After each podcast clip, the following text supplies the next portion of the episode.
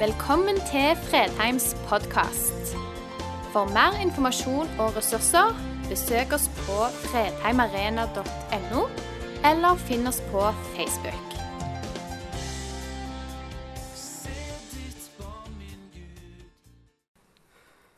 Den hellige ånd og vi. Det skal jeg prøve å si noe om. En prest som underviste en uh, gutteklasse, forteller at han hadde bedt dem om å lære den apostoliske trosbekjennelsen utenat og gjenta den setning for setning. Hver gutt hadde sin setning å lese opp. Den første gutten begynte 'Jeg tror på Gud Fader, den allmektige himmelens og jordens skaper'. Den andre sa, 'Jeg tror på Jesus Kristus, Guds enbårne Sønn, vår Herre'. Slik fortsatte det inntil en sa, 'Han for opp til himmelen, sitter ved Guds, den allmektige Faders høyre hånd' 'og skal derfra komme igjen for å dømme levende og døde'. Så ble det stille. Det var tydelig at det sviktet et eller annet sted, og så ble stillheten brutt av en gutt som sa, 'Unnskyld, men han som tror på Den hellige ånd, er borte i dag'. Ja, nå kan hver og en, nå kan hver og en prøve seg litt. Ehm, jeg tror det at eh, Sånn som en har sagt, at Kirken burde be om tilgivelse fordi den har neglisjert Den hellige ånd i veldig stor grad, uten kanskje å ville det. Men eh, for mange så oppleves Den hellige ånd som noe diffust og flytende. En del tenker på han som en upersonlig kraft som gir styrke og varme og skaper gode følelser. Vi omtaler Den hellige ånd som den. Eh, Jesus og forfatterne i Nytestamentet omtaler Ånden som en person. De sier 'Han'. Han skal komme til dere. Han skal bo i dere. Han skal lære dere. Han skal overbevise om synd. Han skal eh, herliggjøre meg. I en uh, pinsesalve av Sigurd Lunde Jeg spurte han som leda den, husker ikke navnet ditt. det er en veldig fin pinsesalme, sier jeg, han som var biskop i Stavanger, Sigurd Lunde. Dine løfter er mange, din nåde er stor. Og uh, Nei, den trodde den ikke at uh, Den trodde den ikke at Rudi hadde. kan du den? Nei. Nei, men jeg kommer til å sitere noen vers fra den. Sannhetsånd, vis oss klart hva som hindrer ditt verk. Vis oss synden, så vi ser den er vår. Hjelp oss tro at Gud tilgir, at nåden gjør sterk, at den rettferd som vi får, den består.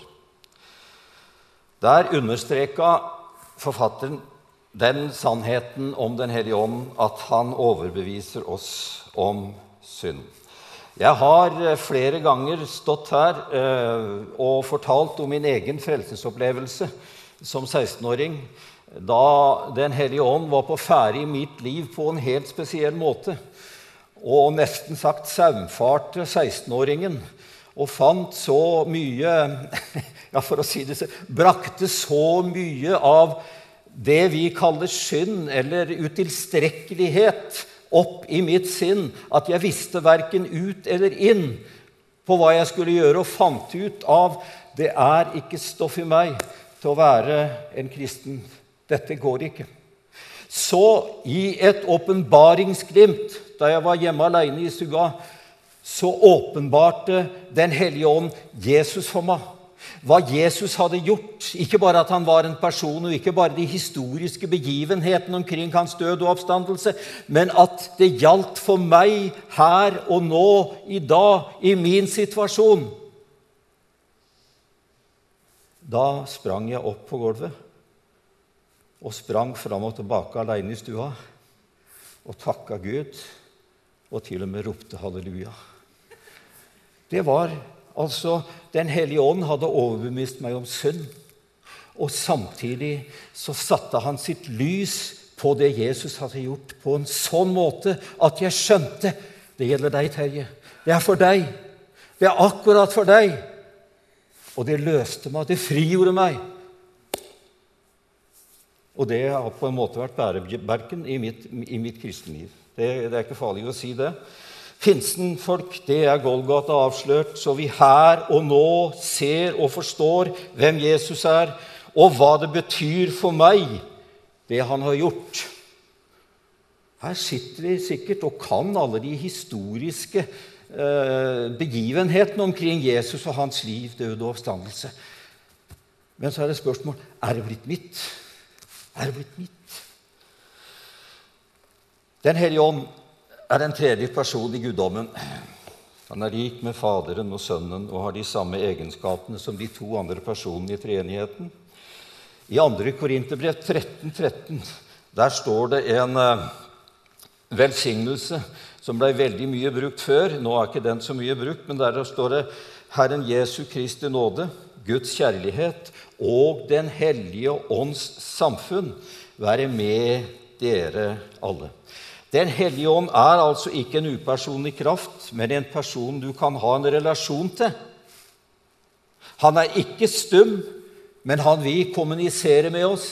For 14 dager siden så sto eh, Helge Ims her på denne scenen og fortalte om eh, en situasjon han hadde vært i, der han spekulerte og lurte på veldig om han skulle levere tror jeg det var, en bok det var strømmer av nåde, til en person dagen etter men hadde vel nærmest eh, lagt det vekk og tenkte som så at nei, jeg gjør ikke. Og så plutselig så kom det en tungetale her. Det var Gunn Turi, som en del av dere kjenner, som vågde å komme fram. Og tolkningen var den Det du har tenkt å gjøre på mandag Var det noe sånt noe? Det skal du gjøre, og ikke unnlate. Hva var det for noe? Det var Den hellige ånd.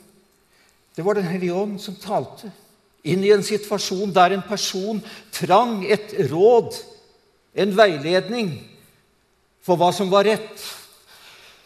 Eh, for en del år siden så var jeg til stede ved en eh, stor gudstjeneste. Det var forresten inne i, i Oslo Spektrum. Der fortalte en av forkynnerne om at han hadde sittet på kontoret sitt eh, en formiddag og forberedt søndagens gudstjeneste.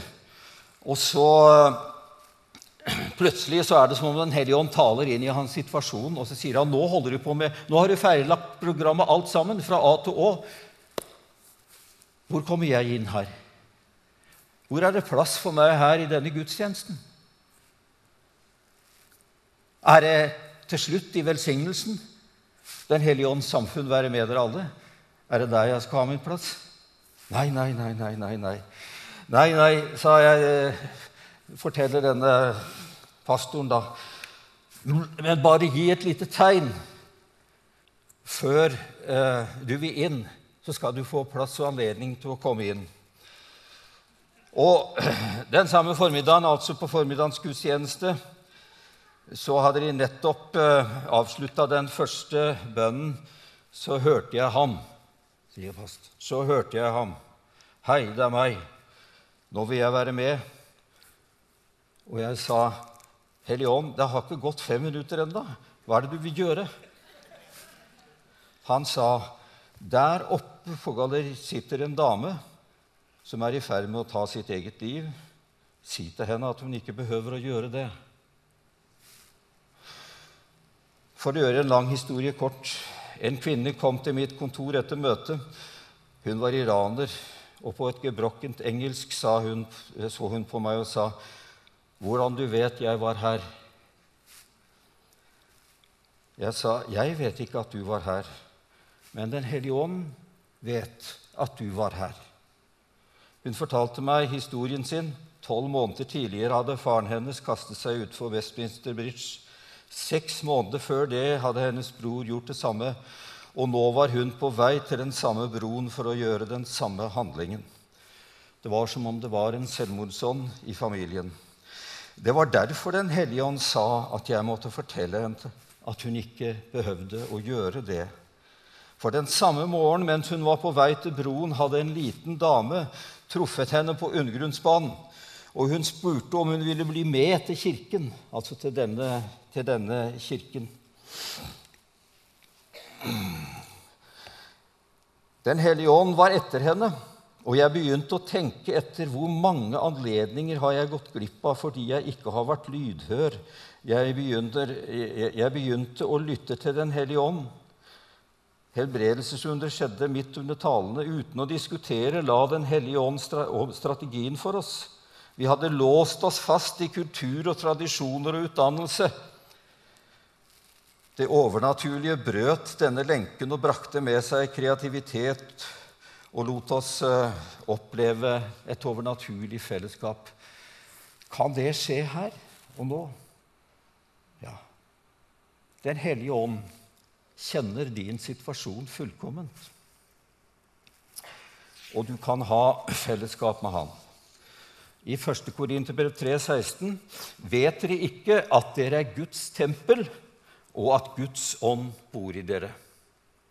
Vet dere ikke, eller vet du ikke, at du er Guds tempel, og at Guds ånd bor i dere. Kroppen vår er i Bibelen sammenligna med et leirkar som rommer en rik skatt, for i det leirkaret har Gud selv ved Den hellige ånd tatt bolig. Vi er gudeboliger, sier Luther.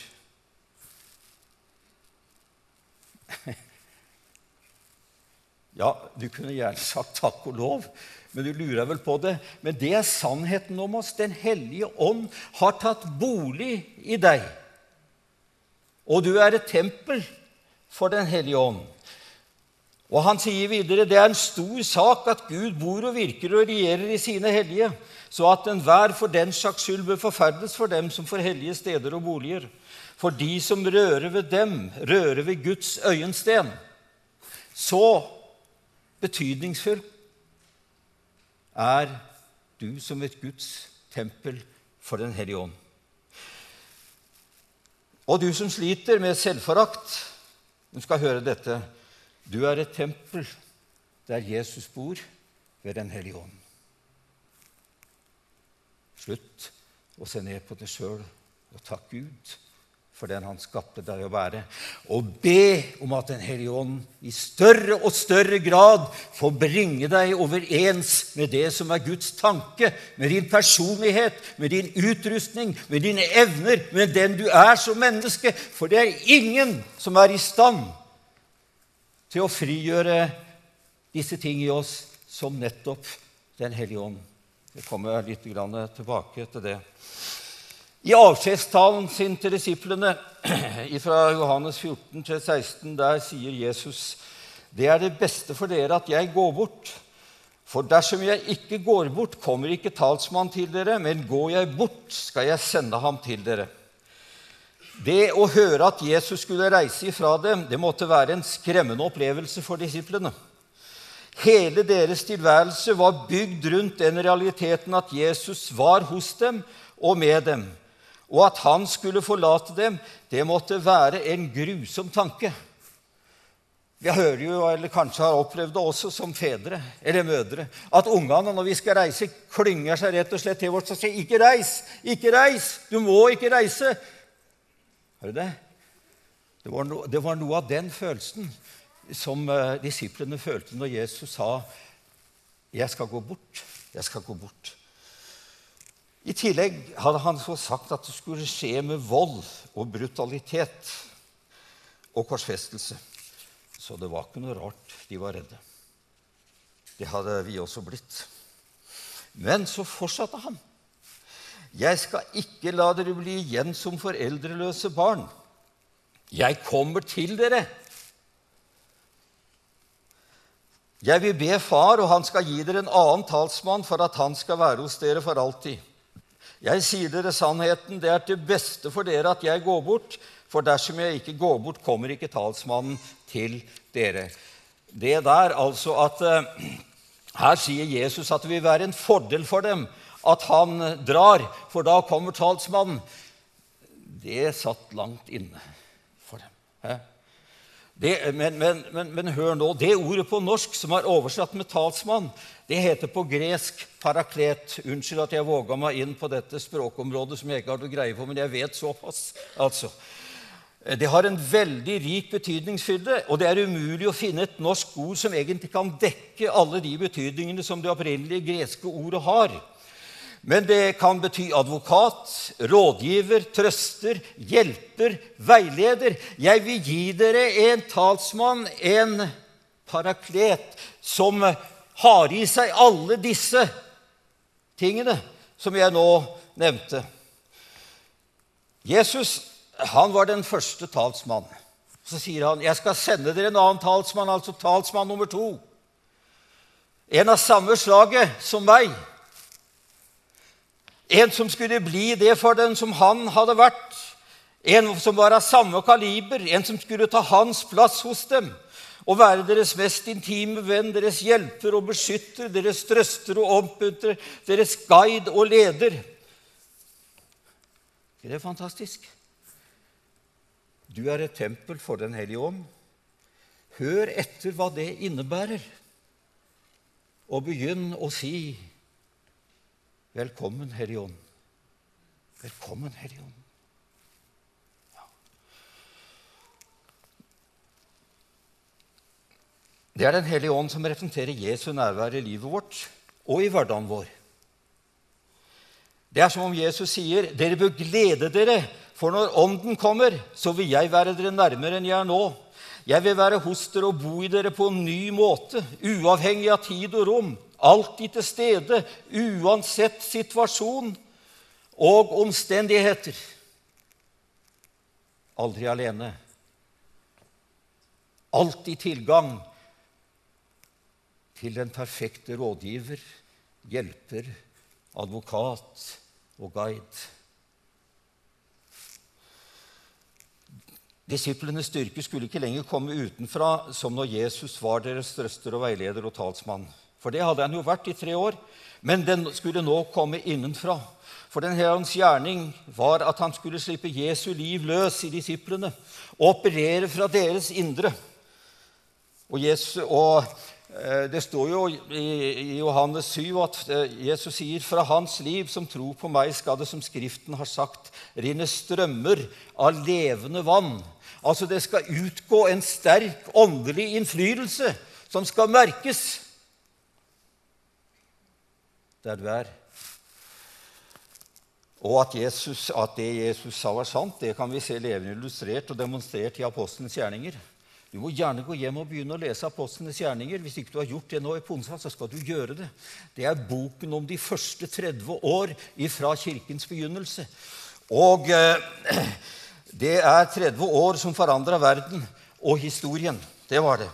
Boken som forteller hvordan eh, evangeliet om Jesus utbredte seg fra Jerusalem, som var jødenes religiøse sentrum, og med uimotståelig kraft nådde datidens politiske og historiske sentrum, som var Rom.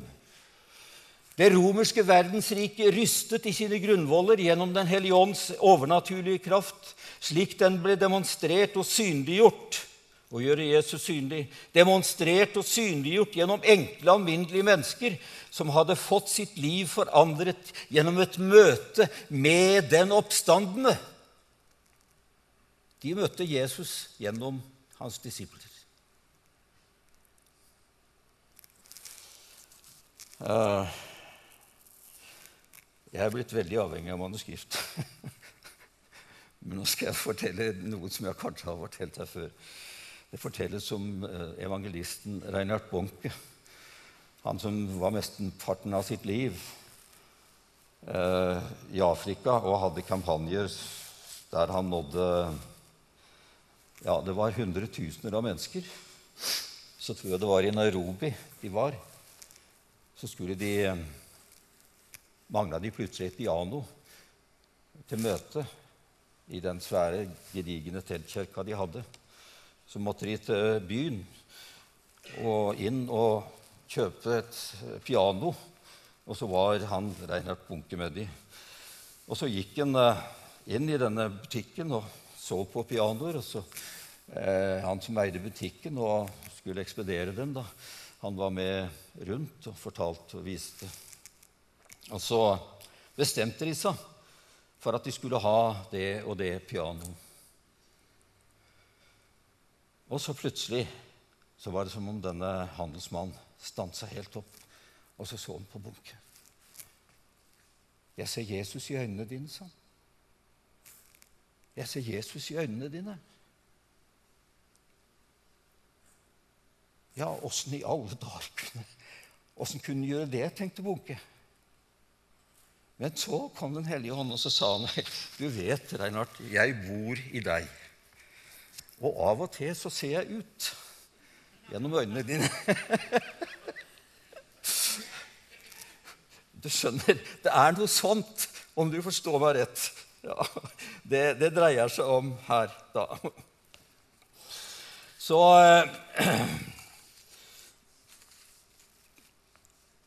I disse menneskene som vi leser om i Apostlenes gjerninger, så hadde evangeliet tatt skikkelse på en slik måte at både livet deres og orda deres smeltet sammen til et uimotståelig vitnesbyrd om hvem Jesus var, og hva han eh, kunne gjøre i svake og alminnelige menneskers liv.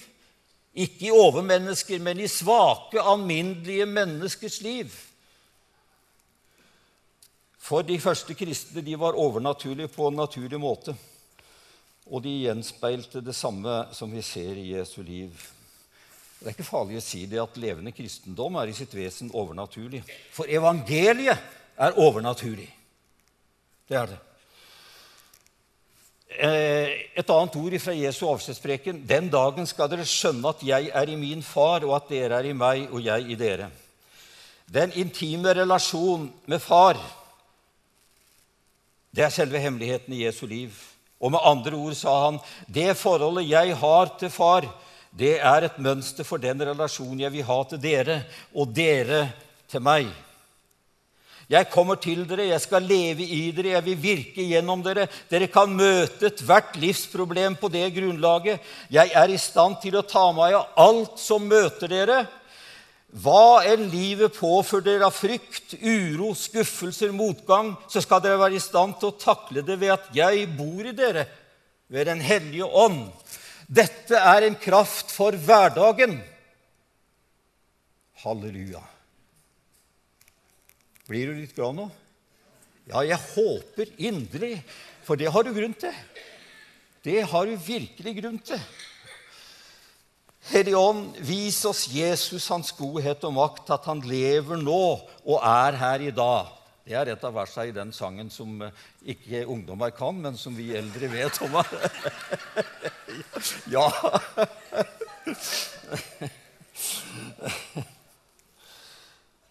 Aner du rekkevidden av Kristi oppstandelseskraft? Jesus sa, 'Jeg er' Legg merke til det ordet, da. Jeg er oppstandelsen. Det er nåtid, og det er presens. Gud er nåets Gud, og i ham var fortid og framtid til stede i et eneste stort nå. For ham så eksisterer hele den menneskelige historien fra skapelsen og til enden i et eneste stort nå. Gud er nåds Gud.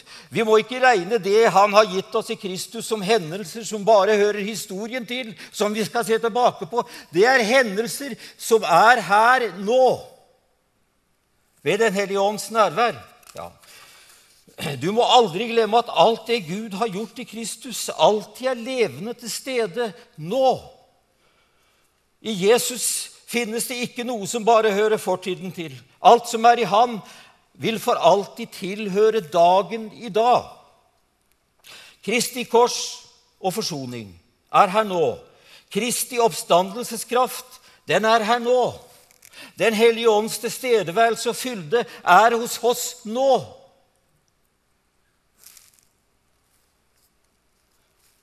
Hvis det vi har i Jesus Kristus, bare behandles som ord eller læresetninger, så blir det lett noe som hører fortida til. Men ved Den hellige ånd så er det levende realiteter virksomme her og nå. Så til litt grann, da, av de tinga som jeg nevnte, om hva Den hellige ånd, eller parakleten eller talsmann, hva det betyr. F.eks. advokat. Det hender av og til vi kommer i situasjoner da vi trenger noen som har en større evne og innsikt og forståelse enn det vi har sjøl. Både til å se saken i rett lys og til å formidle saken på en rett måte overfor de som vi eventuelt har kommet i vanskeligheter med. En slik advokat i aller høyeste grad er Den hellige ånd. Dette har jeg overlatt til min advokat. Tenk når vanskeligheter og tøffe livssituasjoner møter oss, å kunne si med trygg forvissning Dette overlater jeg til min advokat. Den hellige ånd vet nøyaktig hva denne situasjonen innebærer. Han vet nøyaktig hva dette dreier seg om, og han vet nøyaktig hva som er løsningen på denne situasjonen. Kom, Hellige Ånd. Uh,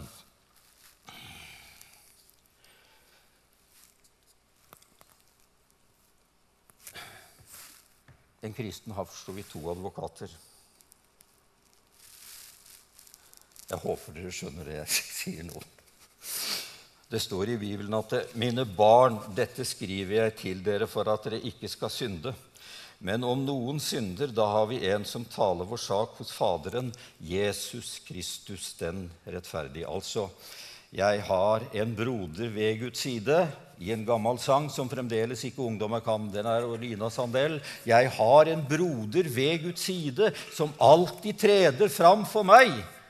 Og det vil si, han taler min sak overfor Gud. For jeg står veldig dårlig om hele mitt liv i sin for å si det sånn, heslighet eller til dels gru skulle ligge til grunn for Guds behandling av meg, så vil jeg gå til helvete. Det er noe som heter det, og ingen talte så mye om det som Jesus gjorde. Men når jeg synder, og det gjør jeg oftere enn jeg er klar over sjøl Runar sa en gang at han lurte på om Ja, jeg husker du sa det. Det var etter en preken jeg hadde hatt. Nå hører jeg det at Herre Bjørntvedt sier at han er en synder. en synder.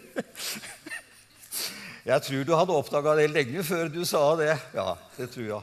Men når jeg kommer der og ikke har noe å si til mitt forsvar For dette har jeg gjort. Det er min skyld. Det er min synd. Da kommer advokaten fram. Han døde på korset for meg. Min synd var med der. Han sto opp for meg. Han har fremdeles naglemerker i hendene der han sitter ved siden av far. Far, nå kommer Terje Bjørntvedt. Han har ingenting å komme med. Han har ingenting å komme med. Men jeg er død for han. Jeg har betalt hans skyld. Her er merkene fra Gåsgata. La han få min plass. Legg merke til jeg sier nå. La han få min plass hos deg, for jeg er hans stedfortreder, og han får min plass hos deg. Priset være Herrens navn. Veldig få ting kan sammenlignes med det. Den andre talsmann er i våre hjerter. Det er Den hellige ånd. Det er Den hellige ånd.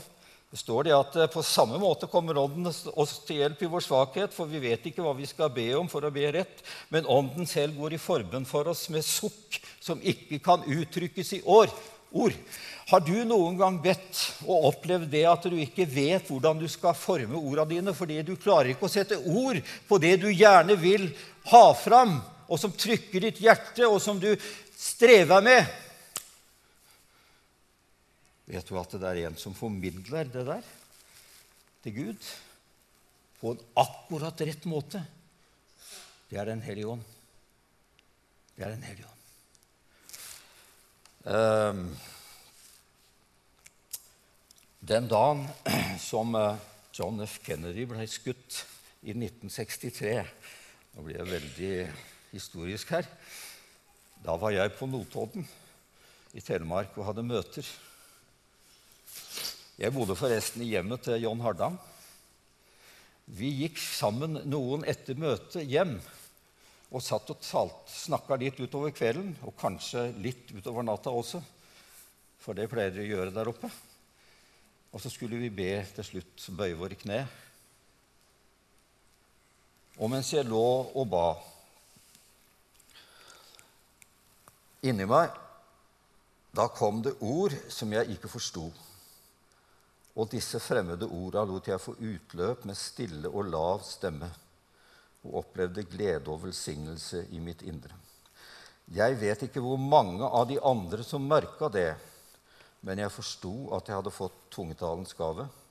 Og siden den kvelden har den gaven vært til stor hjelp og velsignelse i mitt bønneliv. Det har variert når det gjelder hvordan den gaven har vært i funksjon. I lange perioder har det vært daglig, andre ganger mer sjelden. Men det har vært en indre glede mange ganger å kunne gå midt i et myldrende handelssenter og kjenne den indre bønnen i tunger leve og boble. Og det har betydd veldig mye i mitt kristenliv. Det.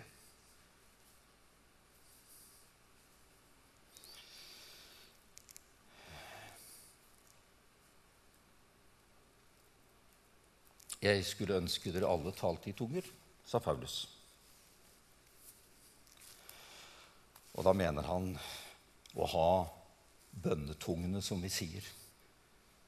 Kunne be til Gud i tunger. Vi skal be med forstand, og vi kan be med tunger. Og hvis ikke tungene blir tyda i en forsamling, så skal de slutte. Det skal være en tydning med offentlige tunger i en forsamling. Men jeg tror at bønnetungene de er for eh, Jeg tror jeg kan ikke si noe mer enn det. Jeg tror at Gud har tenkt at det er for alle hans barn, for han har ikke noen spesielt utvalgte ynglinger som han skal gi spesielle gaver. Han ønsker å gi sine gaver til alle. Så be om det. Be om det. Det kan hende Gud vil overraske deg. Og jeg tror du vil få glede og velsignelse av det sjøl. Så er Helligånd en trøster. Har vi brukt for det? Nei, ikke hvis jeg bare har en liten skade. det er Men eh, jeg har, eh, som dere vet, mange her For halvannet år siden så døde kona mi.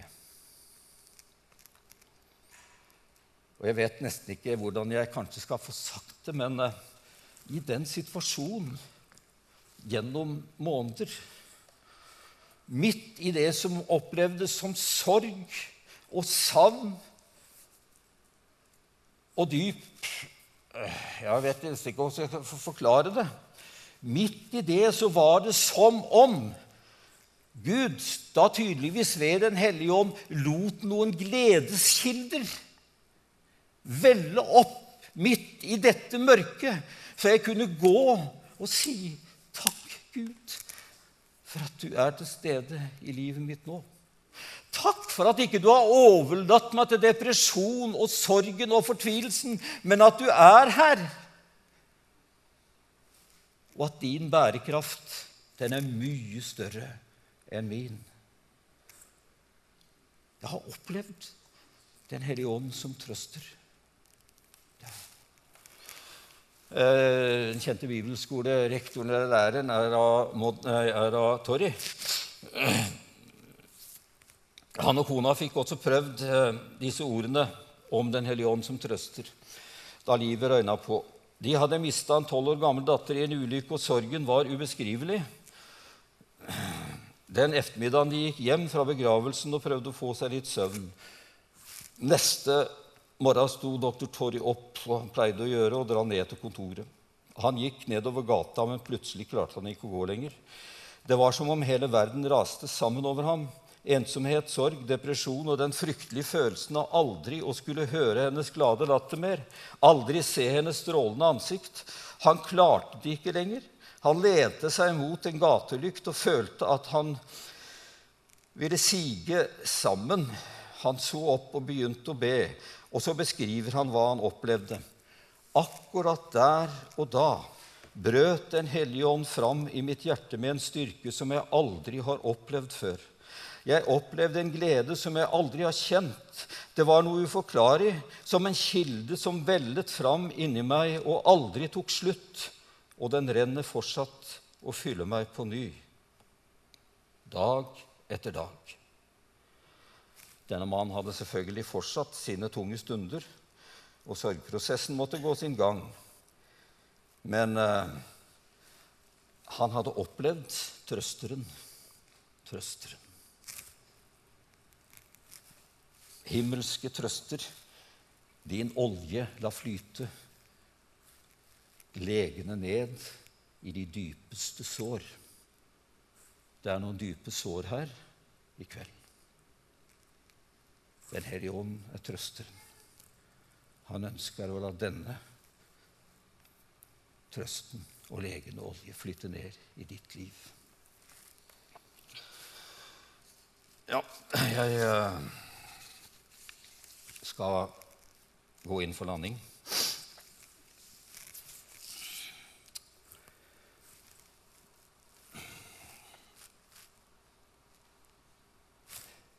Eh, Dr. Martin Lloyd Jones var utdanna lege. Han ble pastor i Westminster Chapel i London og var det i mange mange år. Og han var en av de mest avholdte og respekterte forfatter og forkynner i den engelsktalende verden. Carl Fredrik Wisløff sa om han at 'jeg tviler på om det i samtiden finnes en mer maktfull forkynner enn predikanten i Westminster Chapel'. Og så skriver denne mannen, da han skal forklare om det å bli fylt av Ånden. Han er altså lege, så sier han. Hvis det var mulig å plassere Den hellige ånd i en oppslagsbok om legemidler og medisiner, da ville jeg plassere ham under rubrikken 'stimuli'. For det er der han hører hjemme.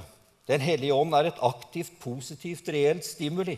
Han stimulerer hver evne, han stimulerer hjerne og intellekt, han stimulerer sinn og vekker våre slumrende evner og utvider vår kapasitet og han stimulerer viljen og styrker den. Så livsnær er Den hellige ånd. Så til stede i din personlighet for å frigjøre det Gud har lagt ned i den. Jeg går ut ifra at eh, de fleste her har gått forbi en trafostasjon noen ganger.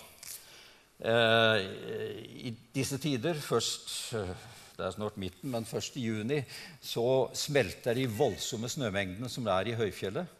I, og, og, det vannet fra dem fylles, fyller kraftmagasinene med vann. Men hvordan blir den enorme elkraften som disse veldige vannmassene representerer, gjort tilgjengelig for folk i hverdagen deres, i industrien, i hjem og skole og kontor? Eh, dette vannet som samler seg i disse Jeg kjørte over eh, Suleskar. Da kom vi forbi noen voldsomme demninger. Det er demninger som eh, disse magasinene holder på å fylles nå. Og når eh, det åpnes, så går eh, vannet i kjemperør ned til turbinen i kraftstasjonen, som produserer elkraft med en styrke på 100 000 volt. Men du vet at skulle en spenning med den styrken slippes på det vanlige strømnettet, da ville alt brenne opp. Nettet tåler det ikke. Derfor fins trafostasjoner der den elektriske spenningen transformeres ned til 110 og 220 volt, for da ligger den på et nivå som møter folks behov i hverdag, i hjem, på skoler og arbeidsplasser. Og selv om ikke dette er et helt dekkende bilde, så er det noe sånt at Den hellige ånd transformerer Guds veldige kraft inn i din livssituasjon, så det blir oppdrift, og du utrustes til å møte hverdagen. Dere skal få kraft idet Den hellige ånd kommer dere, og dere skal bli i byen inntil dere blir ikledd kraft fra det høye. Dere skal ikke reise ut i ødemarken, dere skal bli i Jerusalem. Nettopp her som de truer dere med døden, nettopp her som dere blir forfulgt, nettopp her som det er aller mest farlig for dere, her skal dere bli.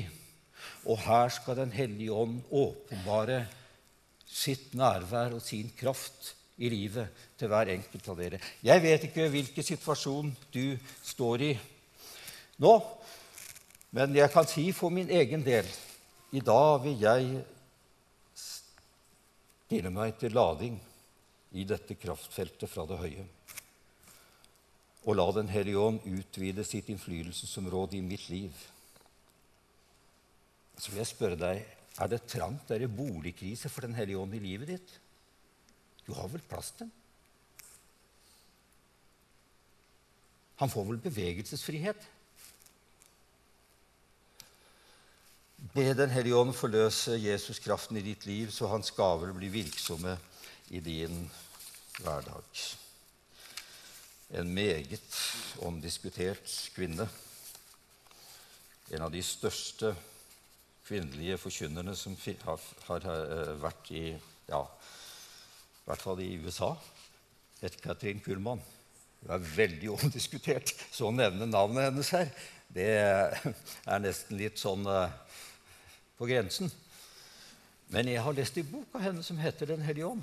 Og vet du, hun sier på slutten der Hun snakker om Den hellige ånds dåp. Og det er et fyord i mange sammenhenger, skjønner du, i lutherske sammenhenger. Å snakke om Den hellige ånds dåp. Ja. Men hun sier her og hvis vi skal analysere hva dåp i Den hellige ånd egentlig er, vil vi finne at det er å få mer og mer og atter mer av Jesus. Det kan du vel si amen til? Da kan vi jo be om Den hellige ånds dåp. Utvid ditt område i mitt liv, Hellige ånd.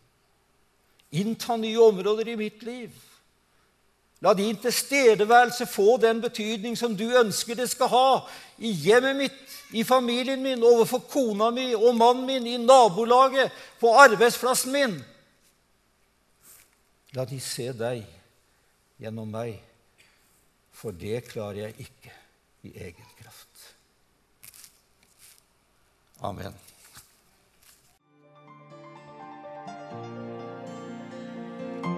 Takk for at du valgte å høre på. Nye opptak legges ut hver uke. Vi har gudstjenester hver helg, og du er hjertelig velkommen.